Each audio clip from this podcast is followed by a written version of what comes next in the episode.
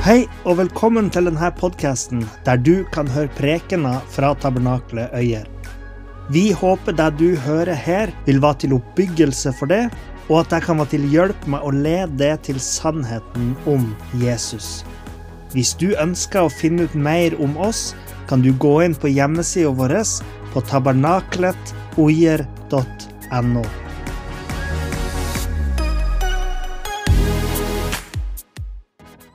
Vi skal begynne en ny prekenserie i dag, som dere hørte. Som handler om første og andre Samuels bok. Og Dette er jo kanskje ikke noen av de mest leste bøkene i Bibelen, men det er jo i her bøkene vi finner f.eks. historien om David og Goliat. Eh, hvis du sier David og Goliat, så vet alle hvor den kommer fra. Så hvis du nesten ikke vet noen ting om første og andre Samuels bok, så la meg fortelle deg litt om de her bøkene. De her bøkene utgjør et historieverk som vi finner i vår bibel etter Ruths bok og før første og andre kongebok. Men sjøl om dette er et historieverk, så er det òg mer enn bare historie. Meninga med boka er først og fremst å åpenbare åndelige sannheter om eh, hvordan Gud samhandler med menneskene. Så det er en forskjell mellom et vanlig historieverk og dette historieverket. I den jødiske bibelen så var første og andre Samuels bok ei bok, og det er det fortsatt i den jødiske bibelen. Det er ei bok, eh, ikke sånn som oss, der den er delt opp i to. Og siden siden dette egentlig bare er ei bok, så bør vi òg se på den i en helhet.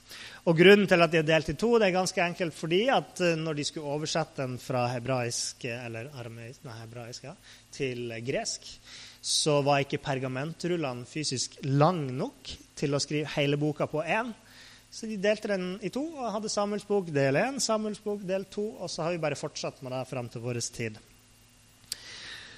Uh, og Man vet ikke helt sikkert hvem som har skrevet denne boka. Eh, men Samuel, som er en av hovedpersonene i hvert fall i første Samuels bok, eh, kan ha skrevet deler av den, og har sannsynligvis skrevet i hvert fall informasjon som har senere blitt brukt når boka har blitt satt sammen til et helhetlig verk. Og Boka ble da skrevet eller ferdigstilt en eller annen gang mellom år 975 uh, før Kristus og år 723 eller 722 før Kristus. En eller annen gang i den perioden. Man vet ikke helt sikkert, for det er så gammelt at det er vanskelig å tidfeste. Men uansett så har vi de eldste manuskriptene fra denne som, boka som vi har tilgjengelig i dag, er fra slutten av det tredje århundret og begynnelsen av det andre århundret før Kristus. Så vi har noen ekstremt gamle eh, skrifter som, som inneholder første og andre Samuels bok. Så det er bra. Da vet du litt om det. Så la oss gå inn i handlinga. Hvis du har Bibelen med, så kan du slå opp i første Samuels bok, kapittel 1. Eh, eller egentlig, ja, ja, du kan slå opp der, men egentlig skal vi begynne litt før. Eh, opprinnelig så kom første og andre Samuels bok rett etter Dommernes bok. sant? Og Det siste verset i Dommernes bok kan eh, gi oss et bakteppe for situasjonen i Israel på den tida når vi kommer inn i historien i første Samuels bok. I Dommerne 21-25, det siste verset, så står det I de dager var det ingen konge i Israel. Enhver gjorde det som var rett i egne øyne. Det er som å si at det var ingen kontroll det var ingen sterk, samlende kraft i Israel på den tida. Dommerne som nå styrte i landet De hadde jo ingen konge, de hadde utnevnte dommere som, som styrte. Eh, og, og, de hadde ikke klart å fungere som gode og sterke ledere, de lederne som Israel trengte. Sånn som Moses hadde vært når han leda israelittene ut av Egypt. Sånn som Josva hadde vært når han leda israelittene inn og erobra land i Israel. Og sannsynligvis så, så, opererte de her forskjellige stammene i Israel litt som egen, hver sin lille stat, bystat, rundt der. Men noen felles eh, samlingspunkt, sånn som tempelet i Shilo. Da. De hadde jo en felles religion som de, som de eh, samla seg om. Men pga. at de ikke hadde noe ledelse, ikke noe, ikke noe felles statsoverhode, så fulgte heller ikke folk Guds lover. For de hadde jo ingen statsapparat som kunne håndheve loven. Det var ingen, ingen lov og orden i samfunnet. Samfunnet hadde forfalt til det punktet der eh, hver og en gjorde det som var rett i sine egne øyne. Med andre ord, de var inne i ei tid med politisk, moralsk og åndelig forfall, som så mange ganger før og etter. Det er situasjonen når vi skal inn i første og andre Samuels bok. Tittelen for preken i dag er 'All ære til Gud', som dere hørte. Det er fordi, som vi skal se, eh, både i dag og gjennom resten av denne serien, så er Guds suverenitet, hans allmakt, et sentralt tema i eh, Samuels bok. Guds planer og hans hensikter vil komme til oppfyllelse og fullbyrdelse, om enn ikke med en gang, om enn ikke i løpet av denne boka i Bibelen.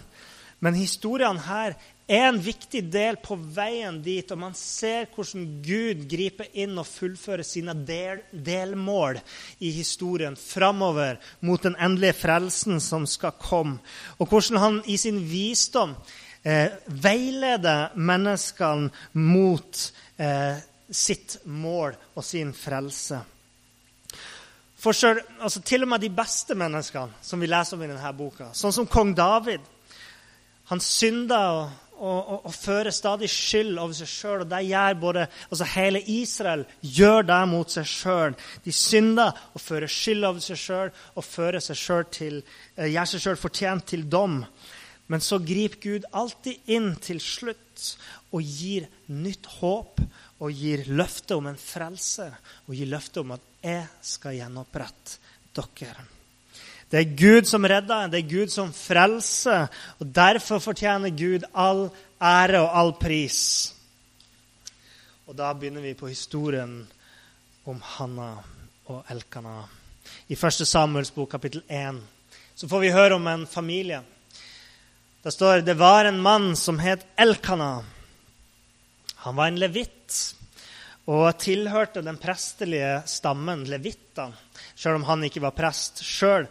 Han hadde to koner. Den ene kona heter Peninna, og den andre kona heter Hanna. Peninna hadde to barn sammen med Elkana. Hanna hadde ingen barn. Og Hanna tok det veldig tungt at hun var barnløs. På den tida var det en veldig stor sorg å ikke være i stand til å få barn. Ikke at det ikke er en sorg nå òg, men på den tida var det ikke bare fordi ens personlige drømmer om å få barn ikke ble oppfylt, men fordi at det å ikke få barn på en måte betydde at Guds løfter ikke ble oppfylt gjennom det og i ditt liv. Gud han hadde lova Abraham at han skulle få en tallrik ett. Han var Israels stamfar, Abraham. Og Gud lovte han at, at etterkommerne hans skulle bli mange. Og når man ikke kunne bidra til å videreføre denne slekta, så kunne det gi en følelse av utenforskap. At man ikke var helt en del av den pakten som Gud hadde gitt med Abraham. Samtidig så hadde Hanna en mann i Elkana som elska henne, som forsøkte å trøste henne med å gi henne gaver. Og det er jo fint, men det hjalp ikke på den sorgen hun følte. Og I tillegg så hadde Hanna denne medhustruen Peninna, som eh, mobba henne og, eh, og plaga henne fordi Hanna var barnløs. Det står i vers 6 hennes rival egget henne kraftig for å gjøre henne vred, for Herren hadde lukket hennes mors liv. Så Peninna prøvde å gni deg inn sant? for å gjøre det verre for Hanna. Og Det var jo vanlig å tenke på barnløshet på denne tida som en Guds dom over ei dame. Og Derfor så sa de at Gud hadde lukka livmora hennes. Og I akkurat dette tilfellet så kan det godt se ut som at det stemmer. fordi at det hele var en del av Guds plan. Men Hanna så ikke på dette tidspunktet Guds plan, sånn som vi kan gjøre, som kan sette og lese teksten i ettertid. Hun så ikke den større hensikten som Gud hadde med det her. Så hun var nedbrutt, og hun var lei seg så mye at hun til slutt ikke orka å spise. Men Hanna tenkte på si side at hvis det var Gud som hadde stoppa henne fra å få barn, så var det Gud som kunne gi henne barn. Og Her så ser vi en stor forskjell mellom Penina og Hanna. For Penina så var barnløsheten en grunn til å mobbe og plage Hanna. Men for Hanna så var det en grunn til å venne seg til Gud i bønn. Og Derfor så gikk Hanna til Shilo, til tempelet, og gråt og ba til Gud, herskarenes herre. Det er første gangen vi hører navnet på Gud, herskarenes herre, gjennom Hannas bønn. Herskarenes herre. Hvis du bare vil se til din tjenerinnes nød og huske på meg, og ikke glemme din tjenerinne, men gi din tjenerinne et guttebarn, da skal jeg gi, jeg gi ham til Herren alle hans levedager, og ingen rakekniv skal komme på hans hode. Vi må huske på det at for hver hvert barn som ble født i Israel, så betydde det et håp om at Herrens frelser kunne komme gjennom det barnet eller gjennom etterkommerne til det barnet. Derfor var det så stort å få et barn.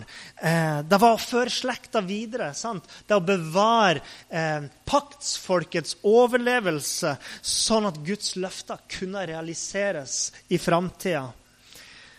Og hun ber så ydmykt til Gud og gir et kjempestort løfte. Hun, hun lover at hun skal hengi barnet sitt til Gud hvis Gud lar henne få et barn. Det er ikke et sånn tomt løfte som man noen gang ser på TV i sånn komedier der de liksom ber sånn halvveis på tull. 'Å, Gud, hvis du bare kan hjelpe meg med denne ene tingen, så, så skal jeg aldri gjøre noe gærent igjen.' Og så har de glemt det fem minutter seinere. Nei, hun lovte her Hun skriver om det med aldri en rakekniv på hodet. Det betyr at uh, hennes sønn skulle bli en nasirer. Ikke en nasarer fra Nasaret, men en nasirer fra ordet nazir. En som er vigsla som prest. Bare at en som ga det her nasirerløftet, han levde etter enda strengere forskrifter enn en prest. Så hvis Hanna fikk en sønn så lovte hun Gud at han skulle bli hellig framfor Gud. En som ga sitt liv til Guds tjeneste. Der i tempelet så var det en høyeste prest som heter Eli. Han så på Hanna og så at leppene hennes bevega seg når hun sto for seg sjøl og gråt og ba. Eli trodde at hun var full, og han gikk bort til henne og refsa og sa du må slutte å drikke. Men Hanna svarte han og sa, Nei, min herre, jeg er en kvinne med sorg i min ånd. Jeg har ikke drukket verken vin eller sterk drikk, men jeg har utøst mitt hjerte for Herrens ansikt. Det jeg har talt til nå, er bare ut fra min store nød og sorg. Vi stopper her litt. Vi får her et lite innblikk i en situasjon som er så sår, så personlig og så ekte.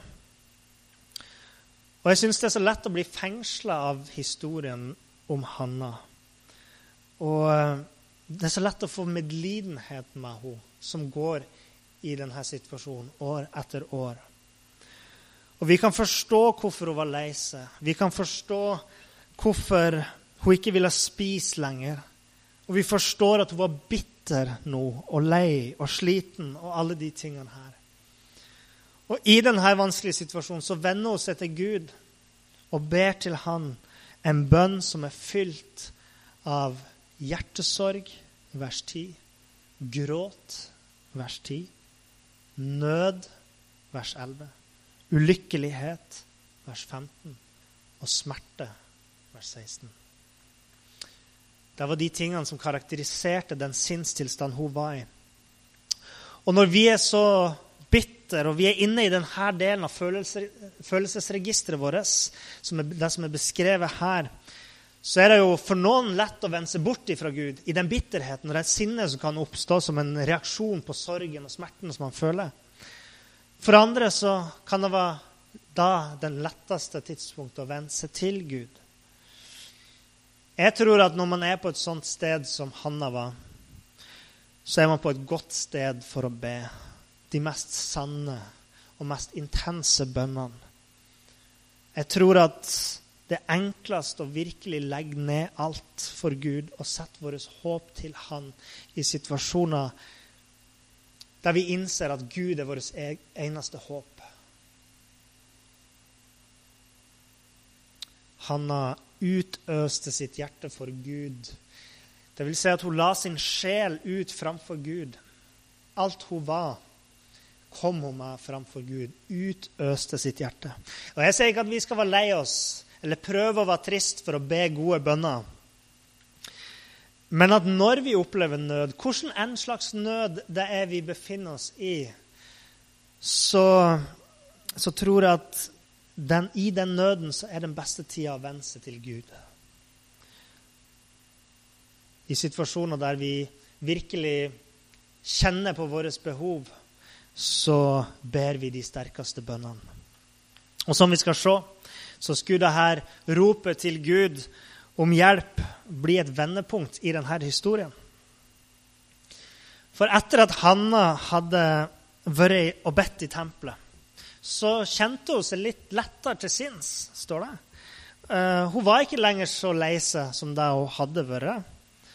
Og Gud han hadde hørt bønnen hennes, og han huska på henne. Og så står det i vers 20.: Før året var omme, ble hun med barn og fødte en sønn. Hun kalte ham Samuel, for jeg har bedt Herren om ham, sa hun. Samuel det betyr Guds navn, eller eh, Gud hører. Så det var passende at Hanna kalte Samuel det her navnet. Men Hanna hadde òg lovt i sin opprinnelige bønn til Gud om at hun skulle gi gutten sin til Gud.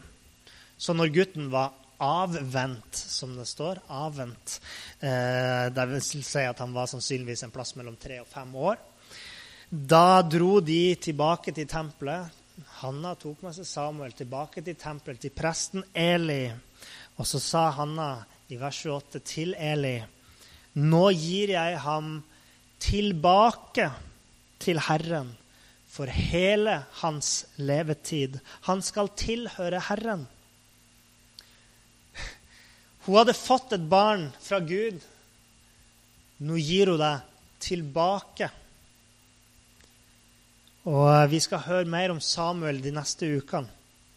Men først så ser vi på det Eli og Hanna gjorde etter denne samtalen, så begynner de å be, begynner å tilbe, begynner å lovsynge Gud. Og Hanna lovsynger Gud og sier i kapittel 2, vers 1.: Mitt hjerte fryder seg i Herren.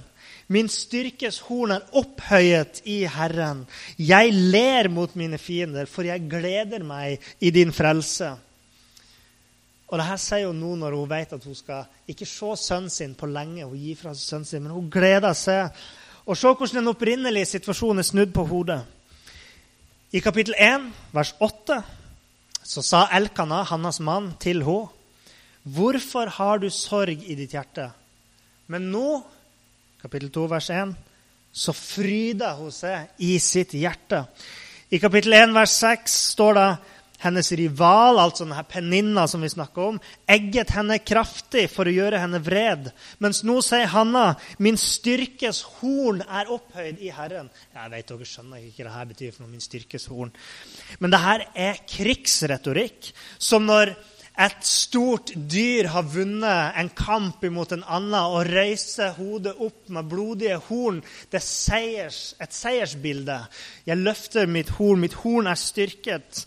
Eh, som et dyr som løfter hodet stolt etter en kamp, så signaliserer dette uttrykket seier. Fordi nå så har hennes rival blitt gjort til skamme. Hun sier at hun ler mot sine fiender. Eller kanskje i din bibel så står det at 'jeg har min eh, munn på vidt gap'. Min, min, munn er åpnet på vidt gap. Eh, det er kanskje nærmere originalteksten, men det betyr det samme. Du ler. Du gjør ikke sånn. mot fienden, men du ler. Fordi du har ingen sorg, du har seier. I kapittel 1, vers 10 så sto det at hun var bitter i sjelen. Nå så står det at hun gleda seg. Se hvordan ting har snudd seg for Hanna. Men når vi kommer lenger ut i Hanna sin lovsang, som varer fram til vers 10 i kapittel 2, så ser vi at hun beveger seg bort fra å snakke bare om sine egne personlige erfaringer okay, til å gå over i profetisk tale som omhandler hele Israels skjebne, og ender til slutt i vers 10 i en messiansk profeti om en konge som skal komme. Samtidig så legger denne eh, profetiske lovsangen hennes ned eh, temaene som boka følger. I vers 2 så står det Gud alene er Herre, Han er klippen. Gjennom hele boka så blir vi kjent med Guds hellighet. F.eks. gjennom menneskene sin eh, omgang med denne paktsarken. Nå skal ikke jeg røpe noen historier, men når menneskene holdt på med paktsarken, som var et symbol på Guds nærvær her på jorda, så får vi noen eh, gode inntrykk av hvordan Guds hellighet er i fram, i forhold til oss mennesker. I den avsluttende salmen av David i andre Samuels bok så eh, gjentar òg David dette refrenget om at Herren er klippen. Og eh, David fikk bokstavelig talt å oppleve i løpet av sitt liv at Gud han gir trygghet til David gjennom at han kunne skjule seg bak, fra sine fiender bak et, et fjell. Så, så, vi skal også høre den historien seinere men Herren, han er klippen. Og Guds suverenitet, allmakt, det her går igjen i hele boka. Neste, I vers 7 så står det 'Herren fornedrer og opphøyer'. Herren fornedrer og opphøyer. Og dette kan godt være en slags oppsummering egentlig, av handlingene i første og andre Samuels bok. I løpet av boka så får vi et godt inntrykk av hvordan Herren er med på å opphøye folk og fornedre folk. F.eks. så reiser han eh, Samuel opp som konge i Israel. Men pga. at Sam, nei, Saul mener han reiser Saul opp som konge, og pga. Sauls utilstrekkelighet både politisk og moralsk, så lar Gud han fornedres til slutt. Neste tema som vi ser i denne, eh, denne lovsangen her i vers 9, det er at alle er avhengig av styrke fra Gud. Det er et annet tema som også går igjen i boka. At israelittene var nødt til å stole på Guds styrke, ikke på sin egen makt. Og Dette blir åpenbart når vi ser på personene og folkene som stoler på sin egen styrke og forkaster Gud, og på de som velger å holde seg til Gud og stole på hans styrke, og at han er deres redning. I vers 10 så er det et nytt tema at Gud skal reise opp sin konge. Når Hanna ber eller synger denne lovsangen, så var det ingen konge i Israel. Og Israel hadde, Israelittene hadde heller aldri hatt noen reell konge eh, i, i, landet eller i folket sitt. Men hun profeterer her at Gud skal reise opp en konge. Sitt salvede horn, står det. Vi har allerede snakka om det her med horn. ikke sant? Krigsretorikk. Seier. Messias betyr den salvede. Så dette er første gangen i Bibelen en Messias-profeti knyttes direkte opp med en konge. At Messias skal være en konge. I første omgang så kan dette selvsagt peke framover mot kong David, kong Saul. De var òg salva av Gud til å være konger. Men etter hvert som vi leser lenger ut i boka, så skjønner vi at det kan umulig være snakk om Saul, eller bare være snakk om Saul og David og de her. Fordi til og med David feiler jo egentlig til syvende og sist i sitt oppdrag som en sånn Messias-skikkelse. Og etter hvert i boka så kommer det også enda flere profetier om Messias eh, som òg blir gitt til David. Profet som sier til David, hør her er det Gud sier. Det skal komme en etter at du er død som skal være Guds sønn, og som skal ha et evig kongedømme. Og Derfor så peker denne profetien forbi kong David til en som er mye større, en som eh, sjøl David i en salme kaller sin herre. Det peker selvsagt framover mot Jesus, som er Messias. Og ikke bare Israels frelser, men hele verdens frelser. Hannas historie er mer enn bare en historie om en liten familie som hadde noen eh, eh forplantningsproblemer. Det er òg en, en historie om Israel. Det er nød og sorg og smerte i denne lille familien. Akkurat som det var i Israel på den tida. Nå ber Gud om at uh, han skal se til hennes nød og minnes henne. Og det her igjen sikter oss tilbake til utgangen fra Egypt, der Gud sier i 2. Mosebok kapittel 3, vers 7-8.: Jeg har sannelig sett hvordan mitt folk fornedres i Egypt. Klageropet deres over slavedriverne har jeg hørt.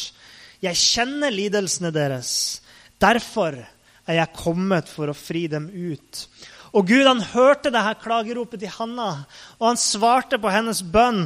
Akkurat som han hadde hørt klageropet til israelittene i Egypt. Og Gud hadde gitt et løfte til sitt folk. Og det er dette løftet som Hanna opplever, blir oppfylt i sitt liv. Og i et større perspektiv så reflekterer da Hannas historie, hele Israels historie, det Gud har gjort for Israel, det gjør Gud nå for Hanna, og det gir de håp om at Gud kan gjøre det samme for Israel igjen. Og det gir oss håp om at Gud kan gjøre det samme for oss og frelse oss og gi oss svar på våre bønner. Dette er ikke en historie bare om en liten familie med familietrøbbel. Men historien illustrerer hva Gud skal gjøre for hele Israel. Hannas sønn Samuel vil stå fram som en slags formessiansk, premessiansk frelsesskikkelse for Israel i sin tid. Og få Israel ut av mørket, ja, i hvert fall for en tid. Og Samuel bana vei for nok en prototype på Messias, nemlig David. Og Gjennom denne, de her historiene så ser vi at Gud han gir liv der det ikke er liv. Så er det Hannas historie om og oss hvis vi beveger oss framover i tid, ikke helt til vår tid, men til Jesu tid, så lovpriser Maria Gud når hun var gravid med Jesus. Og denne lovsangen til Maria er et ekko av Hannas lovsang i Samuels bok. Og det gir oss noen paralleller mellom Samuel og Jesus. Samuel han var en redningsmann i sin tid. Han var Guds mann på rett sted på rett tid. Og han peka framover mot Jesus, som var den eneste evige redningsmann for alle mennesker. Og jeg tror at denne historien kan snakke inn i vår situasjon. Fordi at vi òg lever i ei tid der hver og en gjør som de sjøl synes er best. I ei tid der sannhet er relativt, der godt og ondt er relativt. I ei tid der godt kalles ondt, og ondt kalles godt. Vårt håp er det samme som det håpet som lå foran Hanna, Samuel og Israel. Guds salvede horn dersom, Guds, nei, dersom Hannas sønn Samuel skulle bli et lys for Israel i sin tid, så er det Guds sønn Jesus Kristus som er et lys for oss alle i vår tid. I mitt liv så kan jeg si at når jeg i bitterhet og sinne og nød eh, ropte ut en bønn til Gud, så var det Jesus som sto fram som min frelser, mitt lys og mitt håp. Sånn som Israel trengte frelse fra sin egen ondskap og ulydighet, på samme måte trengte jeg frelse. Og jeg er frelst ved min tro på at Jesus er den som har seira over det onde for oss alle. Jesus var verdig når jeg ikke var det. Han var hellig når jeg ikke kunne være det. Han gjorde godt når jeg gjorde ondt. Han var ydmyk når jeg var stolt. Og alt det her gjorde han og tok straffen på korset for meg og for det. Sånn at vi kan stå i hans sted, i hans renhet, i hans hellighet framfor Gud. Han er alt som vi ikke kan eller klarer å være. Og han sto fram og tok dommen i vårt sted. Og han har vekka noe nytt til liv inni meg, som driver meg framover. Som gir meg en lengsel etter at mennesker skal se hans lys og slippe det inn i livet sitt. Fordi Jesus er kongen som vi har venta på. Hvert fjerde år går vi til valg og velger menneskelige ledere. Men Jesus han har vist oss hvem som er den evige konge og kongenes konge. Kongen vi trenger i vårt liv. Tro på Han, så skal du bli frelst, står det i Bibelen. Tro på Han. Og Hvis du har kjent en mangel i ditt liv, og du vet ikke helt hva det er for noen, så er det Jesus som er svaret på din lengsel og din nød og din sorg, din mangel. I åpninga, av første og andre Samuels bok, så skjønner vi at det er mer enn bare en historie vi er på vei inn i her. Det er mer enn bare en historie om ei tid som for lengst er forbi. Uansett om vi snakker om Hannas sin historie, eller om vi snakker om Israels historie, eller om vi snakker om vår egen historie, så er det Gud som er begynnelsen og enden det er alltid Gud som fyller, lys, fyller enden av tunnelen med lys. Og det er Han som gir liv der det ikke er liv. Og akkurat som Gud var mektig til å gripe inn i Hannas liv og hjelpe henne der hun sto, så er Gud levende og mektig i dag til å hjelpe oss i vårt liv og frelse oss. Og derfor gir vi all ære til Gud. Skal vi be? Herre Far. Jeg ber deg om at du skal være med oss inn i første og andre Samuels bok. Hjelp oss til å se alle de her store sannhetene som du vil lære oss, etter hvert som vi skal prøve å studere de her historiene og, og, og fylle oss med ditt ord for at vi skal lære det bedre å kjenne og bli eh, bedre etterfølgere av det. Herre Far, vi ønsker å se ditt lys i vårt liv. Og jeg ber om at du åpenbarer det for oss på nytt og på nytt, dag etter dag, Herre Far. For vi gir all ære til det for alt det som du har gjort for oss. Og vi ønsker det velkommen i vårt liv. I Jesu navn. Kom inn i vårt liv, åpne våre hjerter og slipp ditt lys inn. Herre. Amen.